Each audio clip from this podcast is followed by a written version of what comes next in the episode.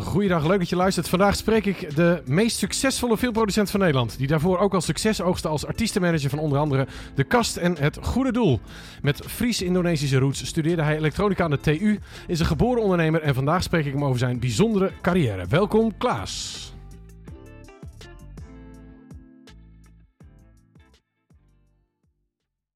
Goedemiddag. Nou, ik sta je gemeten, maar het is een beetje overdreven, Arvid. Een beetje allemaal. overdreven, vind je Een beetje overdreven. Nou ja, iedereen dit Wikipedia kan jou gewoon checken, maar je bent Ja, een bescheiden man natuurlijk. Ja, jij maakt er weer meer van dan er staat, ja. Oh, is dat zo? ja. Hoeveel films heb je gemaakt? Poeh, Ik zit tel er nummertje, 28. eh. Ja, dit is in verschillende hoedanigheden. Maar 28 bij betrokken en 17 volledig alleen. Kijk, Ja. dat is niet slecht. Want jij groeide op in Friesland. Ja, ja. Waar ben je opgegroeid? Nou, hier vlakbij. Dames en heren, we zijn in, in Drachten. Ehm eh, eh, Veenwouden, dat is een plekje hier 10 kilometer vandaan. En eh, in, in zo'n gemeenschap waar, waar, waar, waar, waar de enige Nederlandstaligen van het dorp waren. Jij sprak geen Fries thuis. Mijn vader die sprak Fries en mijn moeder niet. Die is Indonesisch Ja. deels. Maar die spraken onderling wel weer zo gebroken Fries. Maar die- wij, wij spraken Nederlands omdat we anders niet met de familie konden communiceren. Oké, heel goed. Ja, maar dat is daarmee ook niet met de rest van het dorp. Maar goed, net als met kinderen leren pakken natuurlijk wel het Fries op. Maar dan krijg je zo dat de ene het Fries spreekt en de ander Nederlands. En- Maar ik heb nog meegemaakt dat de lagere school het Fries onderwijs werd eh, gegeven Ja. tot de derde klas. En hoe- kon je dat dan wel? Ja, ja. Ik spreek, ook- ik spreek ook. Ik, spreek, ik heb op mijn dertigste ben ik Fries gaan spreken. En ik heb een knop omgezet. En heeft een, een klant gezegd, en Dan Woude, vlakbij. Die zei, nou, je kunt wel horen dat je niet Fries bent. Eh, dat je, dat, maar het is wel knap wat je doet. Nou, dat is ook En goed. dat, en, en dat heeft twee weken geduurd en dan hoorde niemand meer. Nee, hè? Nee. toch een talent. Hey, en had je broertjes, zusjes? Twee zusjes. Twee zusjes. Hey, en eh, eh, op een gegeven moment, je groeit op in dat verre Friesland. En je ging elektronica studeren in Enschede? Enschede. Ja, eerst in Leeuwarden, dat hadden ze die tijd. En toen in Enschede, ja. En hoe kwam je daarbij, bij elektronica? Nou, wij repareren... Ik wou eigenlijk architect worden. Dat had ik ook moeten doen eigenlijk. Maar ehm, wij repareerden televisies toen wij 13, 14, 15 waren. En daar hadden we allerlei slogans voor in het dorp. En we brachten foldertjes langs huis. Wij, jij met vriendjes. Met vriendjes, ja. En eh, eentje daarvan die is, heeft ook heel ver geschopt in de natuurkunde. Die is nu professor. En wij repareerden televisies aan huis. En daar konden we wat geld mee verdienen. En wij hadden op een gegeven moment een soort formule dat, dat we maakten. We repareerden iedere tv voor 75 gulden. In die tijd was het. Zo, En dan, dat is goede business voor een en- 14-jarige. Ja, en eh, ja, veer- nou, dat was in het begin wel iets. Daar deden we nog geen tv's. Dat begonnen we mee toen we 15, 16 waren of zo. Maar daarvoor, daarvoor was dat wat cassette recordertjes en dat soort dingen meer. En eh, we maakten zelf lichtorgeltjes voor, eh, voor, voor- ja, dat, dat was het toen in die tijd. Dus we maakten dat voor, voor, voor mensen die een feestje wilden organiseren. Maar was de passie dan techniek of was het ondernemerschap al? Mm, Ik denk dat het altijd een combinatie geweest is van de dingen fysiek doen. Het maakt eigenlijk niet zoveel uit wat, of het nou bouwen is of, of eh, techniek of wat dan ook. Met fys- dingen fysiek met de handen doen. Ja. En combinatie met eh, ondernemen, ja. Ik denk dat dat wel de overeenkomst is. Maar je ook fysiek, bij mij speelt altijd een rol ook iets produceren. Dus ik moet niet, laten we zeggen, eh, het is een puur handelsbedrijf is niet aan mij besteed. En waar zit hem dat in? Nee, ik vind dat ik, ik maak graag dingen die voor langere tijd meegaan. Dus dat, dat kom je, ja, dus dat, dat kan, een- dat kan, dat kan natuurlijk ook eh, geluidsinstallatie zijn en wat dan ook. Maar in die tijd, nou ja, goed, wij konden dat trucje, waar nog even dat op terugkomen, dat wij, wij hadden dat door en eh, dus ehm, eh, ja, toen ben ik naar, eh, toen ben ik elektronica gaan studeren en ehm, in ieder geval. ehm, toen wij eh, tijdens de studie, zeg maar, toen, daar zit nog heel verhaal bij. Want ondertussen waren ook een bandjes begonnen en met, met geld wat we verdienen met die tv-reparaties. En toen op een gegeven moment gingen we natuurlijk uithuizig en toen huurden we MTS'ers in om, om de werk in ontvangst te nemen. Eerst heeft mijn vader dat. Die was toch thuis, die was arbeidsongeschikt geraakt. Maar die was ook technisch. Nee, die, kan nog niet zijn ei bakken. en eh, mijn moeder was, eh, was technisch. En, en dus die, die eh, ja, dat werd op een gegeven moment van, nou ja, daar moeten we toch wat mee doen. Dus dan huurden we gewoon eh MTS'tjes in voor een paar euro per uur, gulden per uur. Die dat in ontvangst namen, die probeerden het ook in de praat te krijgen. Dan kwamen wij in het weekend dat overdag heel snel uh, zowel mogelijk het werk te dooien en s'avonds met de bandjes op stap. En zo waren we 19, 20 jaar. Toen hebben we al een gebouw neergezet, wat er nog steeds staat. En uh, met het geld wat we met die tv-reparaties verdienden. En, ja, dat, en de tussentijd was onze formule veranderd naar 100 gulden. En uh, dat heb ik jaren gedaan, tot, tot tot ik 27 Heette dat toen ook al Eik? Dat heette Eik, ja. Dat, heeft, nou, dat heette heel snel Eik, ja. Nou, dat heette vanaf dat we officieel begonnen, waren we 19 jaar. En daarvoor was het dus, zeg maar illegaal. Ja. En, eh, maar het geld dat we verdienden is eigenlijk al die tijd eh, in apparatuur ge- ge- gespendeerd voor beentjes. En later aan dat gebouw. En eh, nou ja, ergens is, nou ja, wat zal het zijn, 1995, toen, toen, toen, was het een beetje afgelopen met die handel. Maar dat was wel een beetje gebaseerd, dat televisies waren extreem duur vroeger. Duurder dan nu. Zeker als je het in de tijd zet van, van geld. Die dingen gingen vaak stuk. En dat gaan tegenwoordig ook niet meer stuk. En dat mensen wel echt een soort van nervositeit in huis hadden. Ja, wat, wat nu? Dat, dat was een grote uitgave voor de mensen. Dus wij hadden die formule van 100 gulden. En eh, nou ja, toen eh, het 21, 22 waren, zaten er 8, 9 MTS'ers fulltime te repareren. Terwijl ik zelf nog studeerde. En eh, ja, dat is, daar is eigenlijk basis mee gelegd. Met En hoe kwam het? Je zei tussen neus en lippen, je deed ook al iets met bandjes. Dat was dan pure techniek, licht geluid. Dat is begonnen toen we 16, 17 waren of zo. En met licht, eh, begonnen met eh, lichtorgels. Dat was nog in de tijd van licht. Dat kwam, hè, de lichtorgeltjes. Nou, iets eerder al, 15 denk ik. En dan maakten we in verfblik, eh zetten we lampen in. En daar hadden we zelf een schakelkastje bij gemaakt. En, en dat verhuurden we aan bandjes voor 25 gulden. En dan hadden we een leuke avond. En dat is een beetje uit de hand gelopen gaandeweg. En dat gaat op een gegeven moment tot 100 gulden. En toen gingen we ook geluidsapparatuur kopen. En toen, hadden we op een gegeven moment, toen waren we een jaar of 19, een soort van low-key verhuurbedrijfje en apparatuur. Ja, dan kon er wel een rock'n'roll bandje aan, zeg maar. En toen was je op een gegeven moment wel die bandjes bezig. En toen kwam er een moment dat een van die gasten zei, kun je mijn zaken niet gaan regelen? Nou, ja, Dat dat is ook allemaal heel organisch gegaan. De, de, de, de- een van die, er waren al verschillende bandjes, zijn er ook meerdere, hebben wel eens een hitje gehad. Maar de kast was natuurlijk wat grootste voor, voorbeeld. En gaandeweg, ja, dan, dan moeten er dingen gebeuren. En dan ga ik maar wat optredens regelen. Of, ja, of, of in ieder geval... dat, dat zeg je makkelijk, dan ga ik wel wat optredens regelen. Maar dat zijn heel veel mensen die dat proberen en dat niet lukt. Waarom kon je dat? Ben je Nou geboren ja, dat weet ik niet. We, hadden gewoon, we zeiden gewoon tegen iemand op... eh, we zeiden, ik, weet, ik weet- ik weet ook niet meer hoe we het gedaan hebben. Dan gingen we gewoon mensen bellen. En eh, dat, dat werd links of rechtsom... werd dat gecreëerd. En dan moest er een boekhoudingje bij. Nou ja, goed, dat deden we toch al voor het bedrijfje. Dus dan... kon- nee, En van de ene... Ja, wat is management, weet je wel? Dat is ook zo'n vaag begrip natuurlijk. Ik, kan je, dat, dat- Het zijn heel veel verschillende dingen, maar jij deed ook alle, want je begrijpt nu ook weer, jij doet alles zelf. Nou, we hebben heel veel personeel in dienst gehad, dus dat valt wel mee. Maar je moet wel, eh, ik wil het wel een keer zelf gedaan hebben, ja. Ik vind het belangrijk dat eh, als je, een administratie van iets doet... Ik zou, als we nu zeg maar speelfilms maken, dat is niet de functie die ik niet zelf zou kunnen vervullen.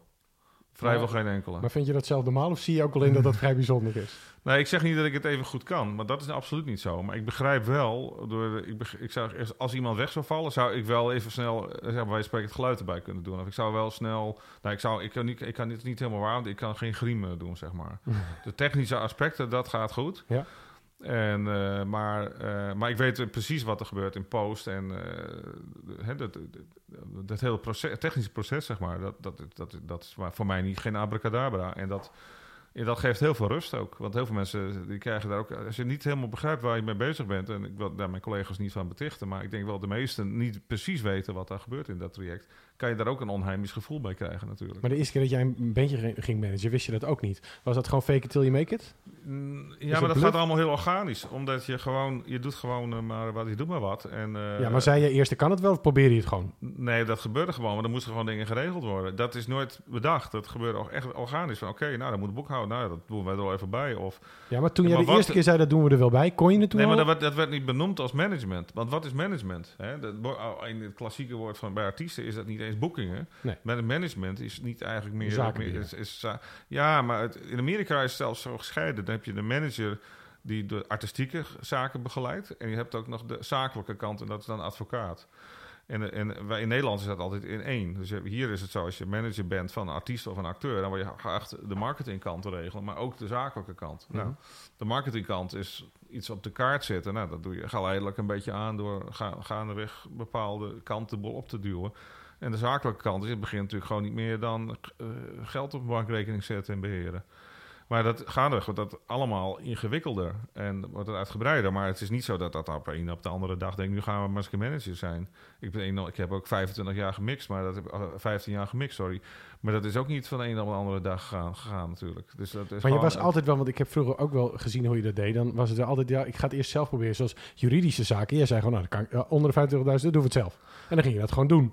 Maar dat was de eerste keer natuurlijk ook spannend. Mm, Ja, maar dat gaat ook wel eens fout. Dus, Nee, dus precies. Maar, maar, nee, maar dat, dus jouw leerstijl is heel erg van ik ga het gewoon doen, fuck it, en ik zie het wel. En dat kost af en toe wat, maar het levert uiteindelijk heel veel op. Nou ja, ik, kijk, het heeft ook, je noemt er nou een voorbeeld, maar advocaten die kosten gewoon heel veel geld. Ja, en, en, en, en, en als, je, als je dus een contractje door moet akkeren en het, het belang is, eh, is, is een paar duizend euro, dan is het natuurlijk idioot om daar een, eh, een advocaat op te zetten. Maar ik Dus weet ja, nog, want ik maakte dat mee met de kast. Jullie hadden Lemmer Beach. En ik, ik had er al tien jaar niet over nagedacht. Toen zag ik iemand die studeerde rechten of die deed mer of zo. En er zat een boekje met juridische casus van Klaas de Jong. Met de verwaterde piano op het podium van de kast. Ja, dat is, dat, dat is inderdaad een voorbeeldcasus geworden, ja. Dat is toch wel bijzonder. Want jij dacht gewoon, ik ga dit... Ik pik dit niet. Nou, die, die, die, die partij daarachter, die probeerde een slaatje te slaan uit, eh, uit de situatie. En, en, eh, nou, nou, Want er was een vleugel op een podium. Die was helemaal verregend. Want jullie hadden daar op het strand een groot concert. Dat werd op een gegeven moment storm. Nou, dat is, dat is tot de dag van de vandaag nog eh, maar de vraag of dat wel zo is. Maar dat waren van die ouderwetse, je kent het misschien wel van die Yamaha-piano's, die dan een soort van een Clavinova heet zo'n ding, Ja. geloof ik. En eh, je had nog geen echt elektrische eh, goede vleugels. Eh, je had wel elektrische piano's, maar goed, iemand had zo'n ding gehuurd, ik weet het ook niet meer. Maar het komt erop neer, eh er zijn dingen nat geworden. Nou is het duidelijk maar de vraag of dat heel erg is. Heel veel dingen kunnen helemaal nat worden en daar gewoon klaar. Eh, Maar deze mensen die hadden gewoon een schade in rekening gebracht van, nou, ik geloof wel 15, 20.000 euro voor, voor de reparatie. Wat, een beetje ongeloofwaardig was, want er- was helemaal niks bij. Maar ze hadden ook gezegd, nou, dat ding kon niet gebruikt worden een half jaar lang en daardoor kost het ook nog een ton of zo. Dus het was, het, was outrageous. Het ging helemaal nergens over. Ik denk gewoon, als die mensen hadden gezegd, nou, hier kost, eh, we hebben wat schade en we hebben het gerepareerd, het kost 1000 euro, dan was het misschien helemaal niet zo'n issue geweest. Maar eh, het is een issue geworden omdat mensen probeerden eh, een slaatje uit de verzekering te slaan. Want er was wel een verzekering voor. Dus dat speelt wel op de achtergrond mee, dat er was een verzekering voor. Ja, goed, en dan ga je toch zeggen, ja, dit, dit- is gewoon, eh, dit is niet de bedoeling allemaal. En dan ga, dan ga je op een gegeven moment dan zeggen, nou ja, goed, dan dan moet je het ook maar, jij bestelt dat allemaal, maar dan moet je het maar aannemelijk maken. Daar ging, dat was ook, omdat daarom is die zaak ook een casus geworden, omdat die partij natuurlijk daar niet in slaagde. Die had natuurlijk, ja, dit was Maar het was ook wel bijzonder dat het niet een van een mega law firm was. Maar dat jij gewoon zelf aan het sleutelen ging. En dat je dan zo in zo'n boek terechtkomt. Dat is toch al...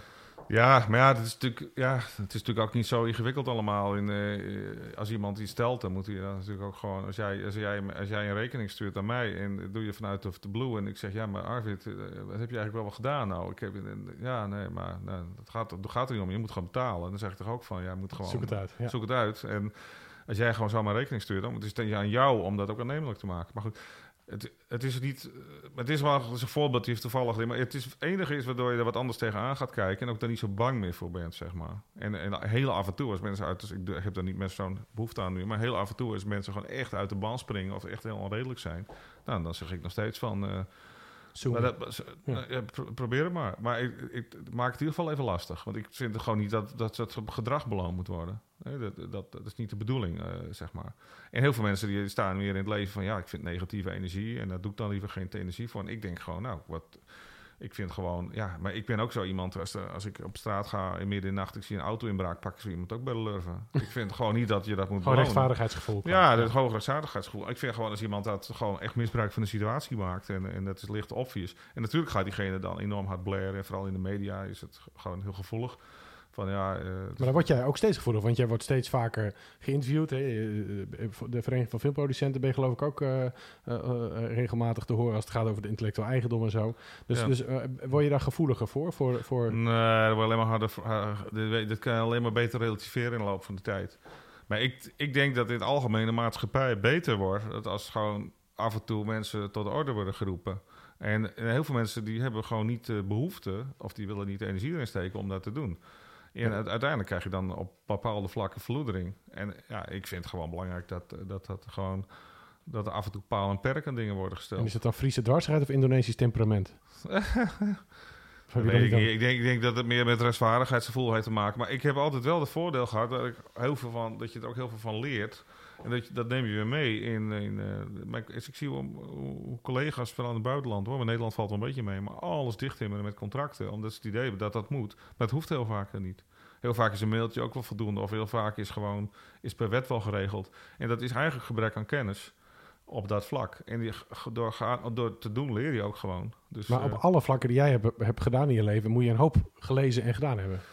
Ja, het is proefondervindelijk, een beetje vogelen. Het internet Ja, is maar je, maakt het zelf heel makkelijk, maar ik denk dat er weinig mensen zijn die... ik bedoel, Ik ken een hoop mensen, ik ken ook wel mensen die wat zelf mee dingen doen. Maar ik heb jou je eigen huis zien bouwen, ik heb je speakers eh, eh, zien installeren, eh, eh, juridische zaken regelen, eh, musicals produceren, films maken.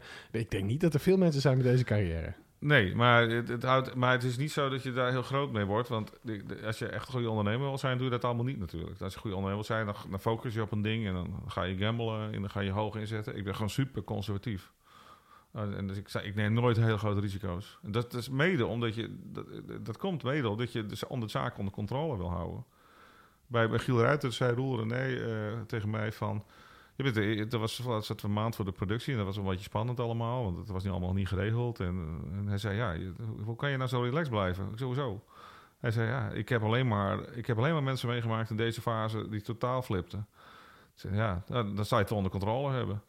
Zei nou ja, dat had ik zelf niet, want ondertussen had ik wel heel veel onzekerheden. Die niet, maar het is wel zo dat hoe, meer je van de diverse dingen wat weet, hoe, makkelijker je ook dingen kunt confronteren. Het, is heel, het geeft een onbehaaglijk gevoel als je met iets bezig bent waar wat je niet helemaal beheerst. En dat, Geeft jou een heel van heel onmakkelijk. dat, geeft, mij, dat geeft mij een relaxed gevoel, ja. Als je het beheerst, ja. Als ik, altijd, als ik het een beetje kan overzien. Dit- Je kan het nooit helemaal overzien. Maar soms werden mensen ook wel gek, want je wist ook alles. Dus dan ging jij, dat kostuum is niet goed. En dat schuifje moet naar links, die microfoon moet naar rechts. Je wist ook zoveel dat mensen natuurlijk ook af en toe wel eens een beetje moeilijk van werden. Nou, Of maar dat, eh, ik herken je helemaal niet in. Nee, ja, dat valt best wel mee. Eh, daar heb ik helemaal geen tijd voor in de praktijk. Oké. Dat valt wel mee. En zeker als het een hele grootschalige productie is, eh, kan je niet, eh, dan heb je de beste mensen zitten. Ik, ik ga niet tegen de kostuumontwerpers zeggen.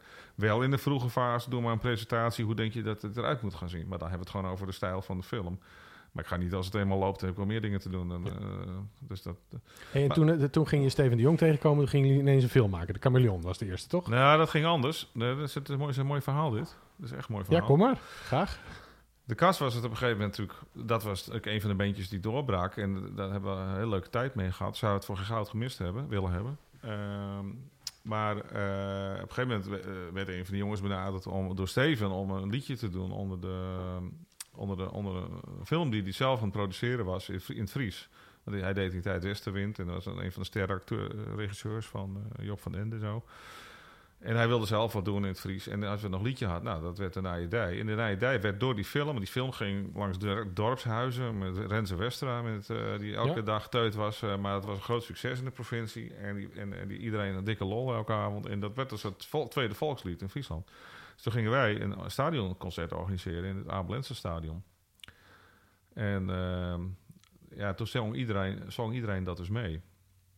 En het grappige was dat eh, een paar weken van tevoren had de platenmaatschappij gezegd... we willen eigenlijk wel een, een, een, jullie een heel mooi contract aanbieden van drie platen... met een heel mooi hoog bedrag, wat voor ons echt zo... Oeh, dat is wel heel veel, ik zal het bedrag niet noemen, maar... eh, Met heel veel nullen. Ja. En dat we konden die tijd nog. Tegenwoordig moet je geld meebrengen als je platen uit wil brengen.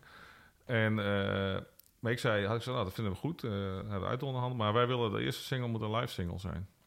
En eh, toen zei de, de, de, de ene armmanager of helemaal uit als een bal waren gegaan. En dat sloeg helemaal nergens op. En eh, bla bla bla. Nou, we hadden dan afgesproken, zouden we contract tekenen in het Abelense stadion. Want ik wilde, ik wilde overigens die live single, omdat die tijd je TMF, ik wilde op die manier onze live show die we hadden, die best wel spectaculair was, nog groter maken. En die, ik zag wel, dat was het gewoon, daar zat de toekomst. En ik had mijn stoel gesteld, dat moet mooier en groter zijn dan normaal in een Golden Earring. Ik denk nu wat een rare voorbeelden, maar dat was toen Dat was toen enorm, ja. dat was toen enorm. En eh, sterker nog, er is na die tijd, ik denk na de kast ook nooit meer een band. Ja, dat zou jij beter kunnen overzien. Maar ik denk dat er eigenlijk niks meer is geweest na die tijd wat zo groot heeft aangepakt. Nee, En, eh, niet in stadions op die manier. nee. Want En- jij had voor de duidelijkheid ook alle producties zelf. Jullie deden alles in eigen beheer. ja, ja, we deden alles in eigen beheer. We hadden de spullen ook zelf. Apparatuur hadden we zelf. En, eh, en, maar in ieder geval, wij, wij, wij zitten in dat stadion. En we zouden een uurtje van tevoren dan met champagne, eh, het publiekstroom binnen, zouden we dat contract tekenen. Ik zie potverdikke dat, dat die clausule eruit gehaald is eh, over, dat, over die live single. Dus zei, nou, dat moet er wel weer in. Hè. Gemopper en gedoe allemaal. Mhm. En nou, dan toch maar in. En eh, nou, ik was aan het varen ergens eh, eh, bij de Waddeneilanden en belt eh ziet ze op van de kast. Zegt, nou, we zitten die opnames te luisteren. En ja, er springt wel één nummer, die springt er wel heel erg uit.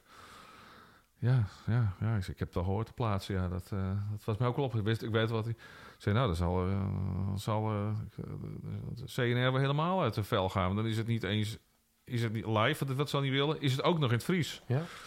Dat is een Nederlandstalige band natuurlijk. Nou, zo geschieden. Want, uh, nou ja, bellen, ja, zo, ja, luisteren, uh, Ruud, Ruud was de ENR manager, Ruud, ja, ja, jullie zijn allemaal gek geworden. En het is helemaal, nou, doe maar. En als de flop wordt, niemand herkent de flop. Ja, dat klopt, dat is het goede van een flop. Niemand weet dat de flop geweest is, want nee. uh, niemand weet dat er... Nee. Laten we doen. Als mis gaat, gaat mis. En als het goed gaat, gaat goed. Nou, ik was nog, het ding kwam uit. Ik was nog steeds op vakantie. Het ding kwam gelijk binnen. En, en het is gewoon een dikke effing mega geworden. Was dus voor de film om een antwoord te geven, voor de gouden sweeper van Steven. En Steven, die had, waar de wereldmaker, die zei toen... hey, kun, jij niet helpen? Nou, jullie hebben wat geld nu en uh, succes, bedankt.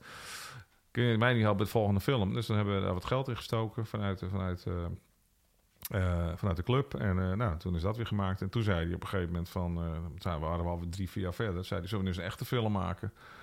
En door die tweede film was ik formeel producent geworden. Nou ja, als titel. Uh, dat, is, dat is natuurlijk producent, is natuurlijk een bedrijf die iets produceert. Maar je hebt ook nog de titel in persoon producent. Dat is de man erachter, zeg maar. Dus ik was ik krijg die credit. ik had geen idee natuurlijk. En uh, nou ja, dus wij zijn, uh, toen zei gaan we nu echt een film maken. Toen zijn we gewoon ja, met dat idee hebben we geprobeerd rechten te krijgen. En, en ben ik in, in, bij de omroepen terechtgekomen. En ze vonden het net een oorlijke tweeling, ons twee. En toen hebben we, kreeg het voor elkaar, gek genoeg zijn film gemaakt, dat nooit gedaan. Dus ik moest me daar helemaal in gaan verdiepen. Maar het is, het is niet dat dat een hele grote stap is als je al in stadionconcerten verweven bent. Het is niet zo dat, het, dat je vanuit niks dat nee, doet. Qua complexiteit niet, maar er komen heel veel nieuwe facetten bij natuurlijk. Ja, wat technische, technisch, technische facetten. Nou, tempo is verschrikkelijk traag. Precies. Dus dat vonden we. Dat ben ik dat ben er tot de dag van vandaag nog niet aan gewend. En, uh, maar jij ging meteen een film, want de Chameleon, dat speelde ook op het water. Jullie moesten shoots doen op het IJsselmeer met een bootje en een tweeling. Ja. En je, ja, je hebt meteen een complexe productie gekozen.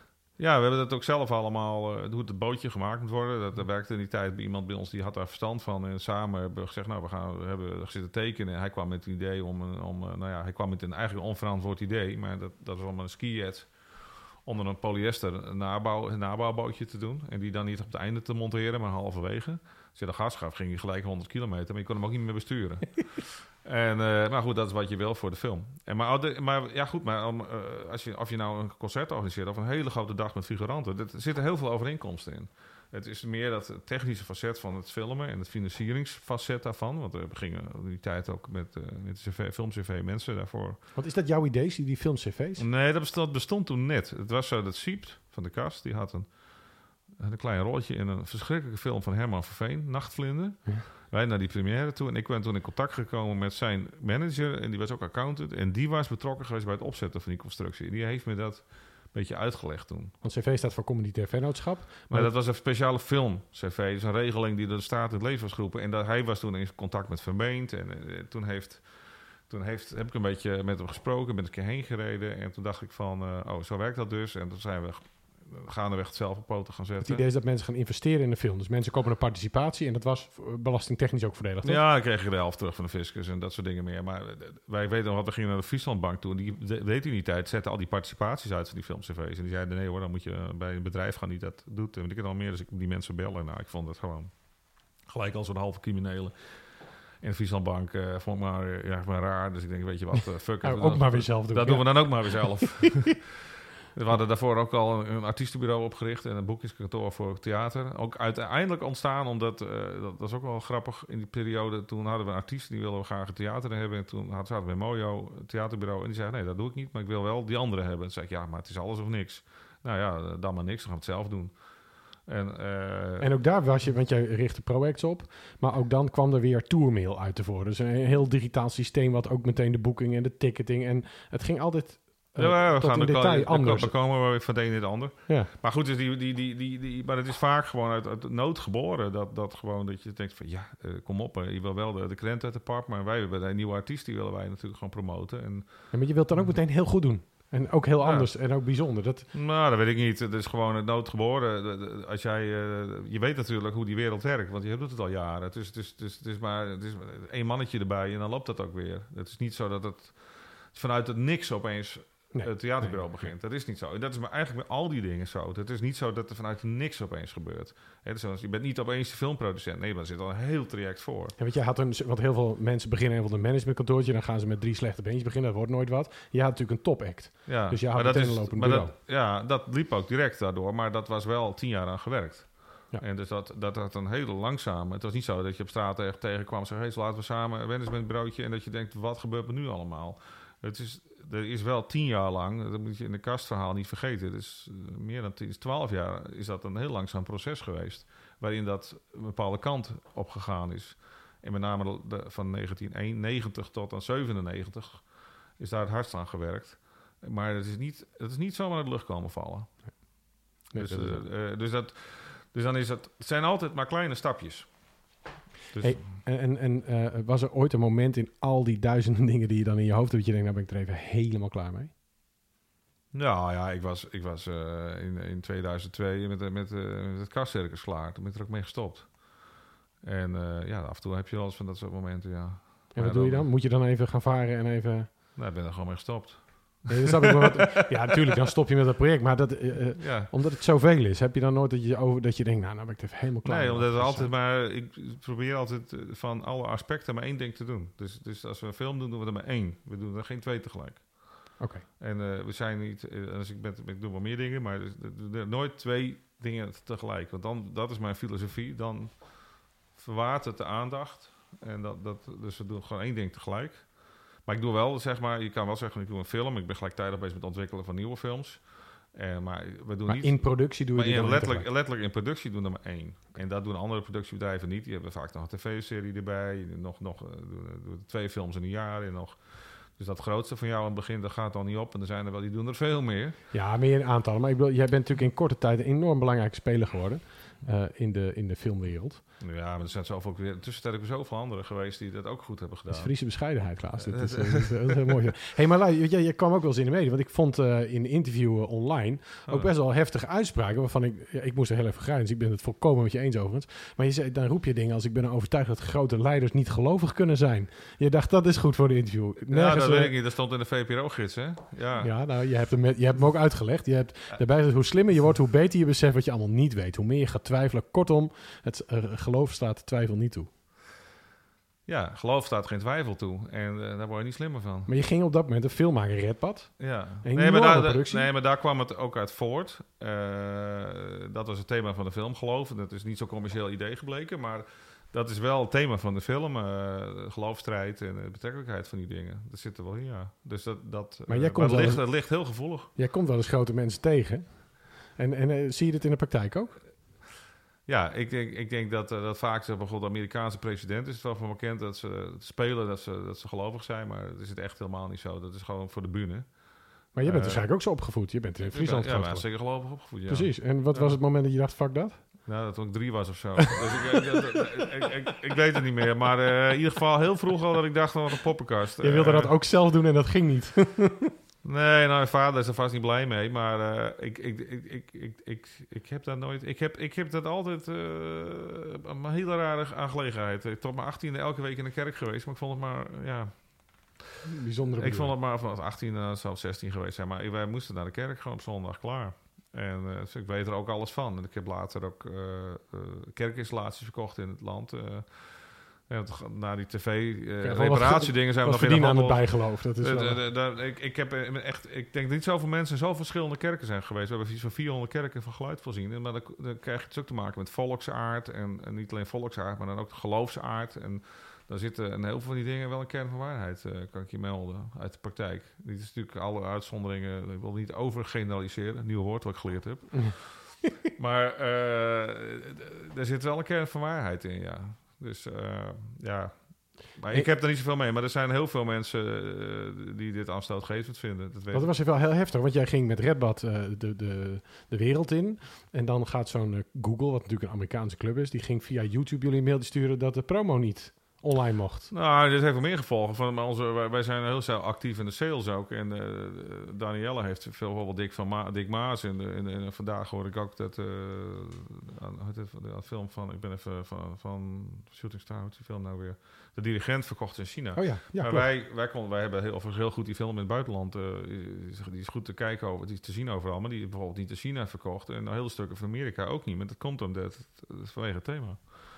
Dus dat, dat zit er twee kanten aan. Sommige mensen vinden dat fantastisch. Maar hetzelfde aantal mensen vinden het aanstootgevend. Dus, eh, terwijl het op maar zich... al- censuur, toch? Dit Te- gaat ja, terwijl, terwijl op zich, de, nou ja, terwijl op zichzelf, eh, nou ja, het zit in Redbad wel van, het, wij spelen wel met het verhaal, de grote leider. Dus eh, de, de leider in dit geval Redbad is niet gelovig.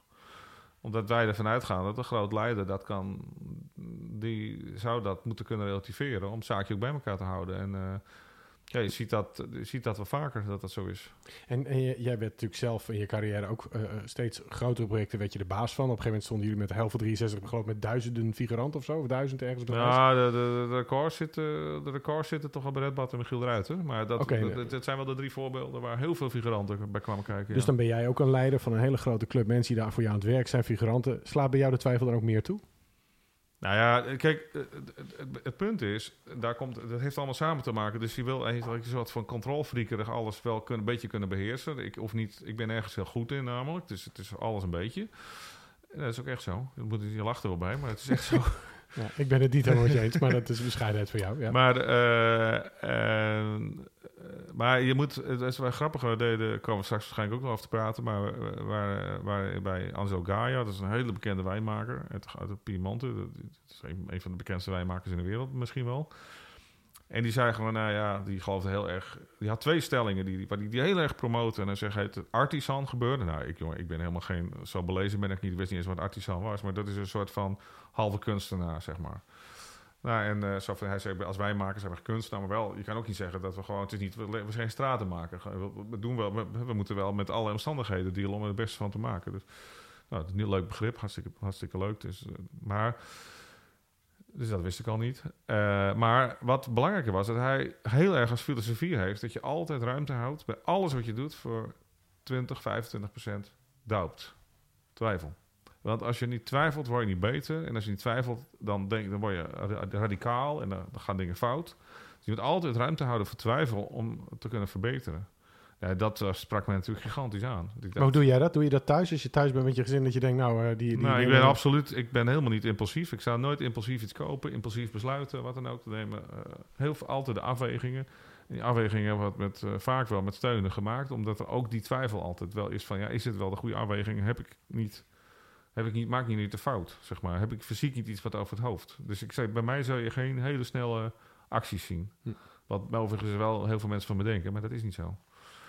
Nou, nee, niet impulsief. Wel snel als het moet, maar niet impulsief. eh. Nee, nee, Dat, eh, zeker niet. nee, maar gaan eh, wel bewogen dingen doen. Wel overwogen dingen. Het sprak me heel erg aan dat hij- ook zo in het leven stond. En ja, daardoor... Goed, hij heeft een ander vak. Hij heeft één bezigheid waar die steeds beter in moet worden.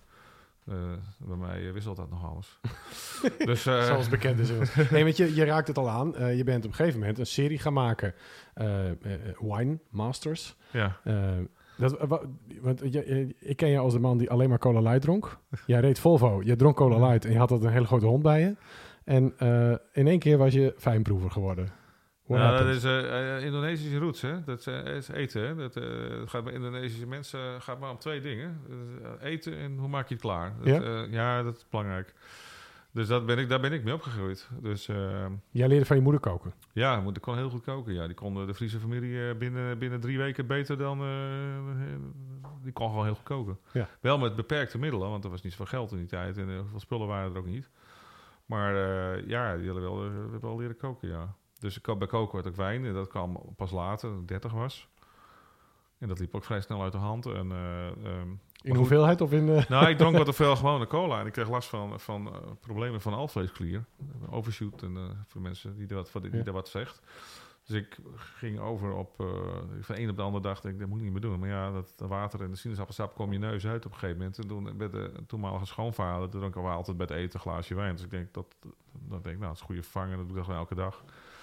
Dus en dat is nu 20, 25, 20, 22 jaar geleden. En dat is weer uit de hand gelopen. En, en, en vijf jaar later had ik toch een heel aardig wijnkelder.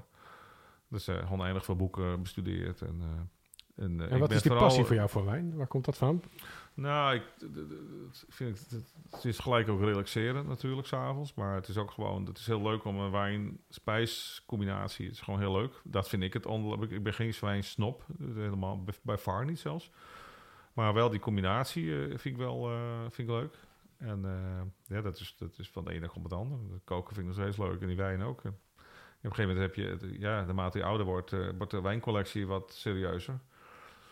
Is nog steeds niet, ik heb geen hele extreem dure wijn, maar het- weet je wel, je kunt gewoon ex- extreme wijnverzamelaars, die, die kopen gewoon, weet ik veel, nou, noem het maar op. Ik zal het ook niet noemen, het maakt je ook niet uit. Eh, maar je kunt wijn kopen van, je kunt eenvoudig wijn kopen de 500 euro plus. Dat is niet zo moeilijk. Als je, als je eenmaal in die snobistische kant gaat en verzamelwoede, dat doe ik allemaal niet.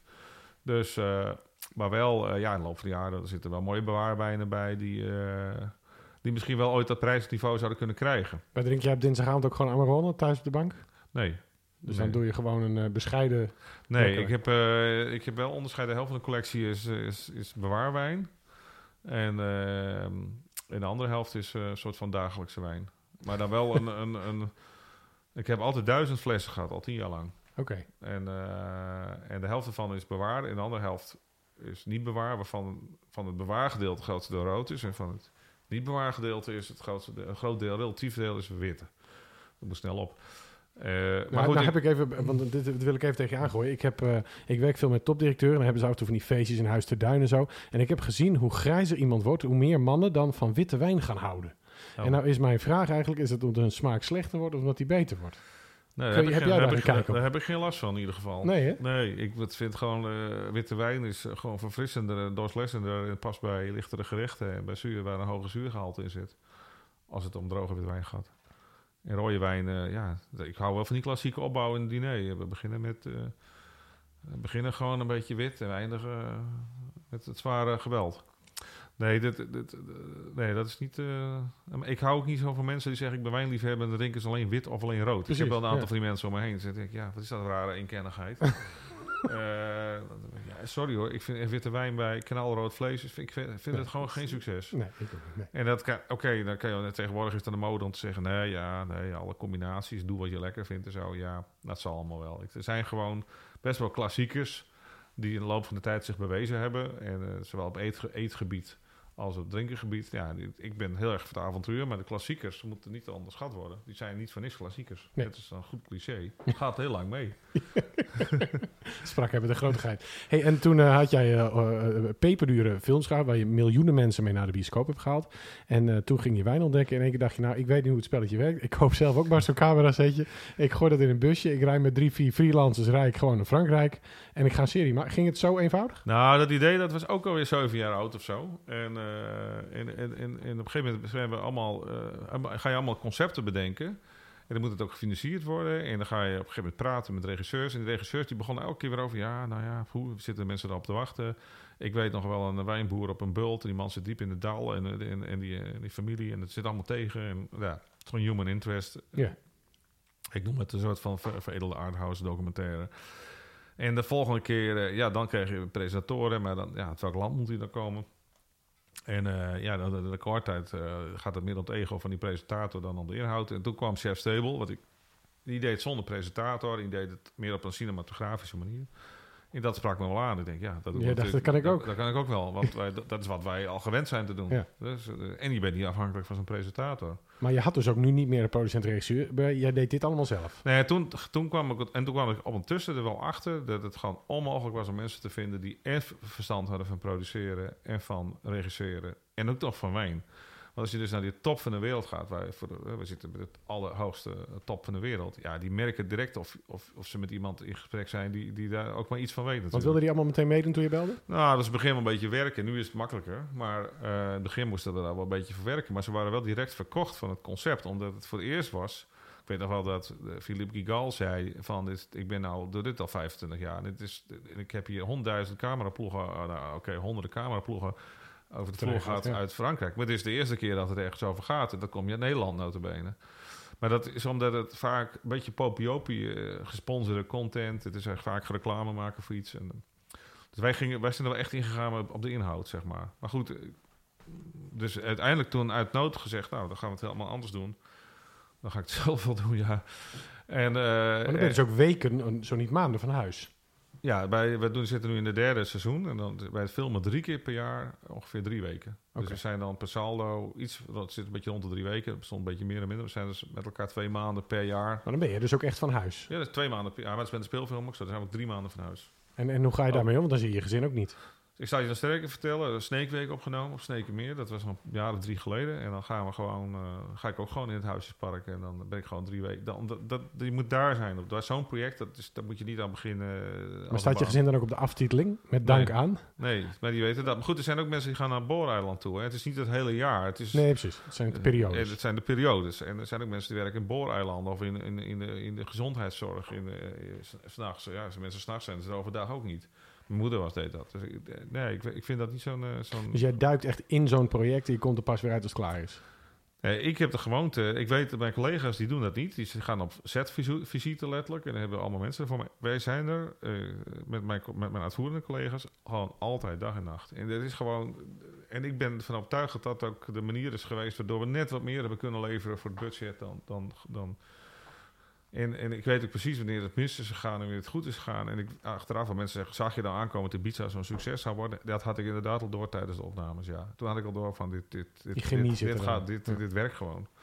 En, en, en, uh, maar is dat ook baas? Want, want uh, in die hele carrière die je beschrijft, je had ook al meteen een neusje voor die televisie dat mensen dat wilden. En je had een neusje voor dat toen je de geluidsman was, dat het beentje misschien ook wel een boekhouder. Is dat gewoon ondernemerschap?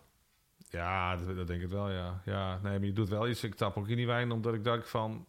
Uh, dat het nog nooit is mee gedaan is wereldwijd. Er zijn oneindig veel kookshows, maar er is eigenlijk nooit een inhoudelijk wijnshow gemaakt. En dan helemaal niet op het niveau zoals wij dat doen. Dat, het is een beetje chef-table-achtig. Uh, Want jullie hadden ook twee top-experts erbij, een, een meneer en een mevrouw.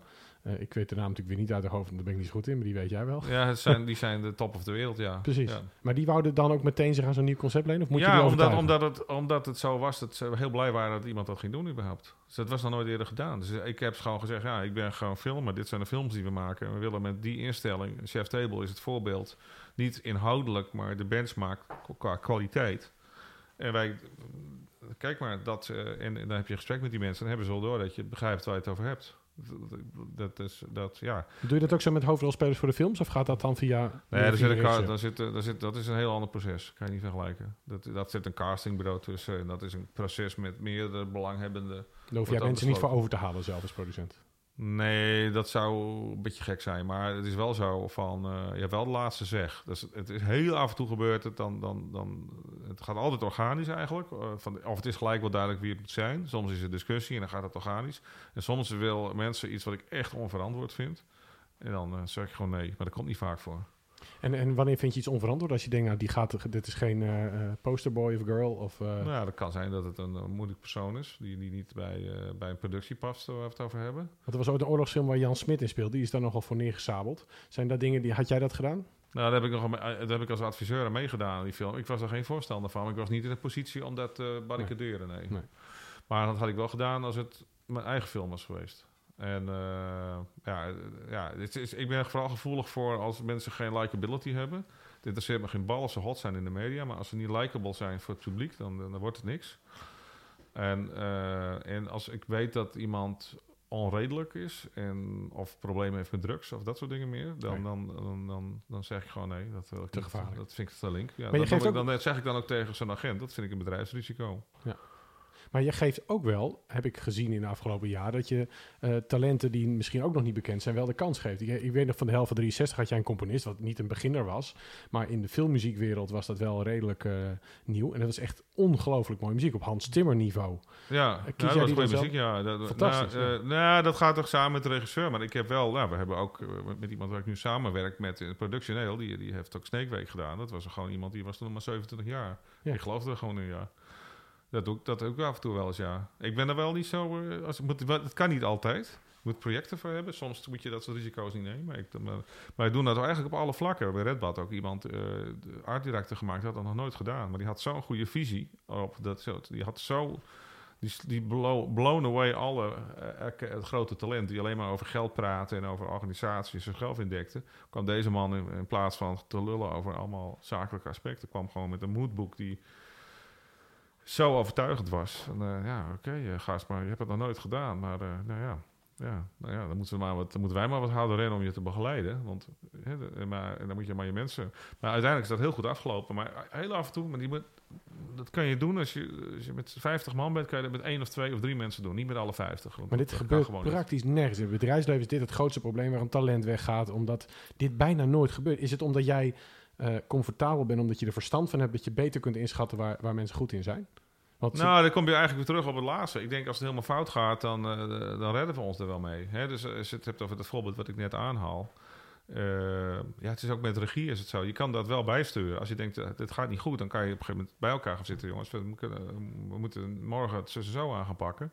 In de, in, in de post heb je sowieso al zeg maar. Je moet wel, voor jezelf heb je wel een plan B, en een plan C en een plan D in gedachten van van oké, als het nou helemaal niet gaat, dan, dan, dan moeten we het ook op, op voorhand heb ik daar wel heb ik daar over nagedacht. Maar omdat je natuurlijk begrijpt wat iedereen doet. Want ik denk dat in het bedrijfsleven zie je vaak dat het angst is omdat mensen gewoon niet begrijpen wat iemand doet. En als ze dan leggen, dat nou, doe maar dan maar met de beste papieren. Ja, ik, ik, moet ook zeggen dat ik in de loop van de jaren ook heel vaak mensen op posten tegen ben gekomen in bedrijfsleven. Want ik denk, hoe kom je daar godsnaam terecht? Hoe ben jij daar terechtgekomen? Nou, want ben niet echt... Uh, een groot licht. Echt een groot licht op je vakgebied, nee. en, uh, ik vind dat wel relatief vaak gebeurt. Ik vind het ook raar dat dat altijd maar in stand blijft ook. Dat vind ik gewoon een gek verschijnsel. Maar En vinden mensen jou dan ook kritisch? Omdat je natuurlijk dat ook... Nou, dat ga ik niet zeggen op zo'n moment. Dat heeft ook helemaal geen zin. Maar ik nee, maar normaal gesproken ervaren mensen jou dan van... Oké, Klaas weet altijd wat het over gaat. Oh ja, er was, we waren eens een keer in gesprek eh, bij, met, met mijn producenten. Dat zijn mijn collega-regisseur, dat, dat met z'n tweeën. Eh, en cameraman, we doen dat allemaal met z'n tweeën. Zei het gewoon, hou nou eens op man, irritant gedoe. Je hebt overal een mening over. Ja, sorry, maar het, ik vind ook heel veel dingen interessant. Dat kan je mij niet kwalijk nemen. Nou, dat is je succes blijkbaar. Als we gewoon nu even terugkijken, kunnen we dat wel zeggen. Hey, en en uh, uh, waar gaat dit naar leiden? Want je gaat waarschijnlijk nog vijf series maken van die mooie nou, uiteindelijk, uiteindelijk gaan we gewoon dood, dat is iedereen. nou, wat het lijkt nergens aan. Een hoop het allemaal nergens aan. Nee, het is alleen maar even leuk jezelf vermaken in de tussentijd. Ja. Spielerij. Nou, dat weet, nee, dat weet ik niet. Maar ik denk dat je enorm bevoordeel, bevoorrecht bent als je in je leven dingen mag doen die, die, die je leuk vindt.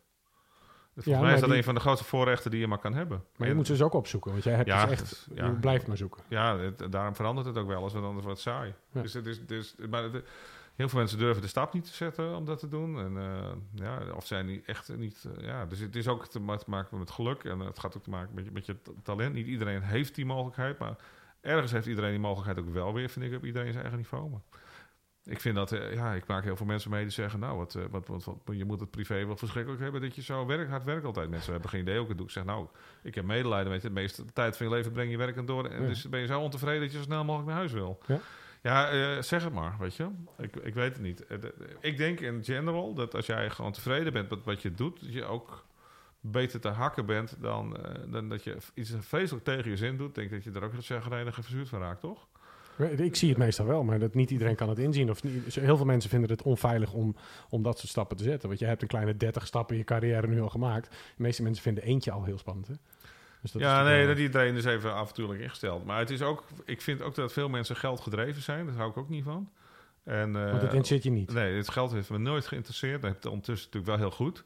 Maar uh, ik weet, toen wij de zaak opbouwden, alle geld dat we hadden, dat werd natuurlijk geïnvesteerd. En dus ik, had eerst, ik heb een rijbewijs gehad toen ik 28 was of zo. Maar ook toen je het had, weet ik nog dat jij altijd met verstand investeerde. Want jij zei altijd, luister, we gaan, hoeveel theatertours gaan we doen? Vier, vijf? Kopen we alles zelf. Doe maar. Huur maar ergens een trailerbak en gaan we het zelf doen. En dat, dat is natuurlijk ook wel. Met verstand is dat dan ook gewoon nou gezonde opvoeding? Nou ja, het is gewoon toch een financiële afweging van, is dat, dan, dan dat is goedkoper. Dat... Ja, ja, maar heel veel mensen in die fase hebben al gevoel, zijn gevoelig voor status bijvoorbeeld. Ja, heb ik nooit last van gehad. Geen last van, van status, nee. Ik vind het wel, ik, we hebben altijd alles opgespaard en weer geïnvesteerd. En zo is het tot de dag van vandaag.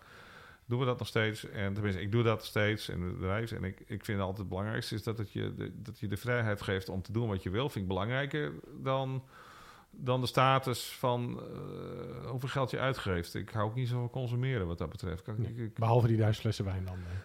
Ja, nou, maar daar ga ik niet. Wat je, neemt een flesje wijn gaat elke dag wel open, maar. maar dus ook niet om het flink doen, niet die gekke dure fles wijn. Nee, dat vind ik echt, dat is ook dat is alleen maar status, want het is veel leuker om een, om een wijn te vinden van 30 euro die, die waanzinnig, die, die Kijk, het hele dure spullen kopen is niet zo moeilijk. Nee. Dus, eh, maar het is juist de sport en die wijn is juist zo leuk om dingen te vinden die een hele hoge eh, eh, de waarde gaan, of tenminste die gewoon heel goed zijn voor de waarde die, die het kost, zeg maar. Of hoe, hoe zeg je dat nou? Maar in ieder geval, en de potentie die erin zit. En dat je dat over tien jaar denkt van, heb ik dat nou goed gezien? Heb ik dat goed gelezen destijds? En dat het goed uitpakt of niet goed uitpakt? Dat is het spannende aan wijn. Het is gewoon elke dag weer een avontuurtje. Ja. Want het is nooit hetzelfde. Nee, Cola is elke dag hetzelfde. Weet ik alles van. dus eh, ja, het is altijd. Dus dat Ja. is toch leuk? Ja, ik vind het proef ook. Dat, dat, dat heb ik met wijn ook. Hey, en nog even een strategisch team, want jij bent, zit in die filmwereld en dan was je onlangs ook op de radio, want iedereen gaat die rommel streamen en iedereen gaat illegaal downloaden. En wat is de toekomst volgens jou? Want jij, jij bent een maker. Jij, jij, ik wil, ik, mensen zeggen altijd, ja, maar ik heb het gratis gedownload. Dan zeg ik altijd, nee, je hebt het gestolen. Ik ben een van de weinigen, volgens mij, in de, op de aarde die het allemaal netjes koopt. Eh, maar waarom, eh, waar, waar gaat dit heen? Want, want mensen hebben niet het besef van de- het bloed, zweet en tranen dat in zo'n film gaat. Nou, dat is in Nederland zo. En uh, wat je, wat je hebt één ding nog heb je niet uit terug, internet teruggevonden. Dat wij ook een rechtszaak tegen met de branchevereniging, brancheverenigingen zelf te staan. En ik ben, ik ben wel een van de trekkers in dat dossier uh, tegen de staat begonnen. Omdat de staat heeft tenminste zeven jaar lang onmogelijk gemaakt om civiel te opereren, maar heeft ook niet vervolgd. Terwijl het in de wet uh, heb je meer straf op illegaal downloaden dan onderbroeken jatten bij de HEMA. Mm-hmm. Omdat het laagdrempeliger is. Want de staat heeft het nooit gehandhaafd. Sterker nog, ministers en, sta en, en mensen hebben gezegd, nou dat moet allemaal maar kunnen. En zelfs een rechter heeft het gezegd. Totdat uh, tot een uh, op Europees niveau een rechter heeft gezegd: nee, de Nederlandse staat, jullie zitten fout. Dus wij hebben een staak tegen de staat aangespannen om dat te compenseren. Niet met als doel dat er geld uitkomt, maar dat is niet meer na te gaan, maar wel dat er nu actie in de tent komt. Maar Nederland is wel een van de weinige westerse landen. Westerse landen, met alles wat Oost-Europees is, dat is sowieso een puinzooi. maar een van de weinige westerse landen waar het gewoon zo fout gegaan is. En in Duitsland en Frankrijk speelt dit gewoon helemaal niet. Maar ik heb, ik heb het interview op Radio 1 gehoord toen dit, dit, dit begon te spelen. Uh, wanneer is dat? Zo, want zo'n zaak kan jaren duren, toch? Nou, we zitten nu wel op een uh, punt dat we eens misschien tot de onderhandeling uh, zou eens wat uit kunnen komen. Maar, uh, maar dat, het, het, kijk, het, het, kwaad is al geschied. De, de, de, mensen gaan er gewoon vanuit dat alles op internet gratis is. En dat is voor de content uh, business is dat natuurlijk dodelijk. Maar is dan de oplossing dat je, zoals je nu doet zelf met uh, Y-Masters, dat je het dan zelf gaat aanbieden? Dat je het alleen bij jou Nou, nee, nee, dat staat ook op alle platforms. Uh, dat staat ook gewoon op iTunes en zo. Maar goed, kijk, mensen moeten daar gewoon voor betalen. Maar wij hebben het met Wijnmasters bij het grote voordeel dat we wat in een chique publiek zitten, die Ja. niet eens weten hoe ze waarschijnlijk. Kinderen dat, van eh, 12 kijken dit niet. Nee. En uh, het staat ook nog nergens die illegaal te kijken. Dus we hebben het ook goed beveiligd. Maar los daarvan denk ik, ook al zou het ergens illegaal staan, denk ik de meeste mensen die, die eens zouden gaan opzoeken. Nee. Maar uh, ja, het is, de, de contenthandel is wel, uh, hè, uh, voor, de, voor de mensen even duidelijk te maken, gewoon muziek en beeld en intellectueel eigendom. Dus het is niet tastbaar in product. Het zijn gewoon eentjes en nulletjes in een, in een, in een harde schijf en dat is een film of muziek. Ja, dat is wel in een korte tijd. In de muziektijd kreeg je gewoon voor een album nog een fantastisch voorschot. Artiesten die nu moeten aan de bak moeten met platenmaatschappij, die moeten geld meebrengen in de vorm dat ze een deel van de optredens moeten afstaan. Ik heb in Hilversum gewoon dat dat, dat een miljoenenbusiness, uh, dat een duizend, dat er, het is wat een miljoenenbusiness, maar het is nog steeds wel, maar dat er duizenden mensen in Hilversum platenmaatschappijen zaten. En nu zie je hier en daar een klein hokje binnen een pandje ja. met z'n vieren, vijven, Ja. in, in, soms alleen. Het is, en dat mensen dan zeggen, ja, die muziekbusiness uh, gaat toch... Nee, dat is helemaal... Dat is totaal om zeep. Alleen dat is nooit de media gehaald... omdat de majors dat altijd hebben verdoezeld... omdat het slecht is voor de waarde van hun aandelen. Dus die, elk jaar werd gezegd, nou, het is een beetje achteruit gegaan... maar dit en dat. Nou, in Spotify is natuurlijk helemaal de dood in de pot. In de dood. De mensen denken dat ze betalen... maar uiteindelijk... Ja, er wordt, het is een betaalkanaal, maar het wordt, uiteindelijk komt er komt geen fractie van wat er vroeger binnenkwam bij de makers terecht. Geen fractie. Het is, het is echt verwaarloosbaar. Nou, in de filmerij, het verschil is met de muziek is dat in de muziek kan je nog zeggen, ik, de opnemen, muziek opnemen kost allemaal niet veel meer. Mensen doen het tegenwoordig ook thuis. Uh, maar, en, uh, en, mensen kunnen ook optreden, daar geld mee verdienen. Maar hebben componisten overigens daar weer geen boodschap aan. Maar goed, uh, uiteindelijk gaat het altijd om de componist die het liedje heeft gemaakt. Weet ik aan de loop van de jaren. dat, is, dat zijn vaak de genies. Maar die zijn vaak niet zo goed op de, voor, niet zo op de voorgrond. Bij speelfilmerij is dat een heel ander verhaal. Want speelfilm kost miljoenen. En die kan niet gaan optreden. Ja, het optreden is de exploitatie. En als dat dus mensen denken dat alles maar gratis moet, dan haal je wel het model onderuit. Nou, dan, dat is wat er wereldwijd wel aan de hand is momenteel. En waar gaat dat heen? Ja, ook binnen speelfilmerij is natuurlijk de Netflix van deze wereld. Dat is eigenlijk de Spotify van de muziek. Maar die dat, moeten straks, die moeten volgens mij van ik weet niet van wie, de Europese Commissie of zo, ze moeten uh, Nederlands aanbod, Europees ja, aanbod ja, we hebben. zitten midden in dat proces, dat is heel erg interessant. En uiteindelijk zullen de studio's het ook niet laten gebeuren. Want het grappig is dat de studio's hebben hun content uit Netflix weggetrokken. Want die willen niet, uh, die willen niet de wereld van Spotify achteraan. Ja. En die hebben nu zelf VOD-kanalen opgericht. Uh, met name uh, alles wat met Disney te maken heeft. Ja. En, er zitten nog wat lepels aan vast. Ook Universal heeft dat gedaan. En uh, Netflix heeft al zijn aardtitels kwijtraken. Omdat zij we hebben ingezien, als we er mee in meegaan, het publiek opvoeden met dat alles maar gratis moet zijn, dan kun je vroeger of later stekker er gewoon uithalen. Wij hebben niet de. Films zijn maar één keer duur om te maken en we, we kunnen niet optreden. Het moet gewoon echt Ja, uit die daar moet het verdiend worden. Ja. Daar moet het verdiend worden. Er zijn geen andere opties. Dus of speelfilms verdwijnen gewoon. Nou ja, je ziet ook dat het productievolume gigantisch afgenomen is. En dat Netflix-volume gigantisch is toegenomen. Maar, spe- zeg maar de, de, de producties, de vrije... Nou, wat, wat wel echt een probleem is... dat de vrije producties wereldwijd enorm zijn, zijn teruggegaan. Hm. Omdat, er, omdat gewoon eh, de mensen niet meer betalen. Dus ja, maar Netflix, ja, die heeft wel weer een aardig model natuurlijk... met een tientje per maand in de halve wereld. Ja, wordt ook steeds duurder. Die hebben ook al door dat het moeilijk wordt. Hey, en nou heb jij een, eh, carrière die eh, best wel tijdsgebonden was. De beeldbuizen, de, de beentjes, de, de films. Ja. Als je nou eh, een, vandaag de dag geboren werd, zou je dan gaan doen? Zou je dan precies dezelfde carrière doen of zou je totaal iets anders gaan doen? Nou, architect geworden. Wel, hè? Ja, ja, dat vind ik nog steeds... eh, dat, is, dat, is, dat is in ieder geval tijdloos. Want je hebt je eigen huis ontworpen en gebouwd. Nou, het eerste pand hebben hebben ook eh, eh, wat ik gebouwd en toen heb ik zelf toen getekend. Er is wel iets mee gedaan in het huis zelf ontworpen, ja. Maar, en er zitten nog wel een paar projectjes tussenin. Maar en, en dat vind ik nog steeds heel leuk. Dat is een van de doorlopende activiteiten die altijd wel gebleven is. Maar goed, het is niet, het is niet gewoon belangrijk. Het is niet de kijkjes bij, niet mee in, de- in, daar speel je niet mee in de kijker. Maar het is wel iets wat, eh, wat ik wel zo zou gaan doen, ja. ja. En als er nou mensen luisteren die eh, jong zijn en creatief zijn en ambitie hebben, wat zou jouw gouden tip zijn voor deze mensen? Doen. Gewoon doen. Ja, mensen moeten meters maken. Gewoon dingen doen. En eh, niet te veel blijven hangen. Wat voor vakgebied dan ook. In hoe het zou moeten volgens de, de hoe noem je dat? De, de regeltjes of Gebaande het gebruiken. paden, ja. Gebaande paden. Gewoon doen. En eh stond eigen reis gewoon erin gaan. En, eh, en eh, ja, het ergste wat er kan gebeuren, het niet lukt. En dan, Ga je ja, opnieuw. Dan ga je weer opnieuw. En als er nou iemand is met een heel briljant idee, met een leuk mood wordt als art director, dan mag hij zich bij jou melden. Ja, nou, je moet eens weten hoeveel mensen zich al melden elke Ja, dag. Dat heb je ook gedaan. Dus dat, dat kunnen we helaas niet allemaal honoreren. Dus, maar heel af en toe zitten er wel eens bij die, die, die wel mee kunnen. Dat is goed. Dankjewel dat je er was. Eh, dit was een gesprek met eh, Klaas de Jong, dames en heren. Voor eh, meer informatie, kijk natuurlijk, zoek de, de, de, Winemaster-serie op. Of kijk op Farmhouse films. Want dan ga je zeker allemaal prachtige projecten van Klaas tegenkomen. Ehm dankjewel voor het luisteren. Tot de volgende.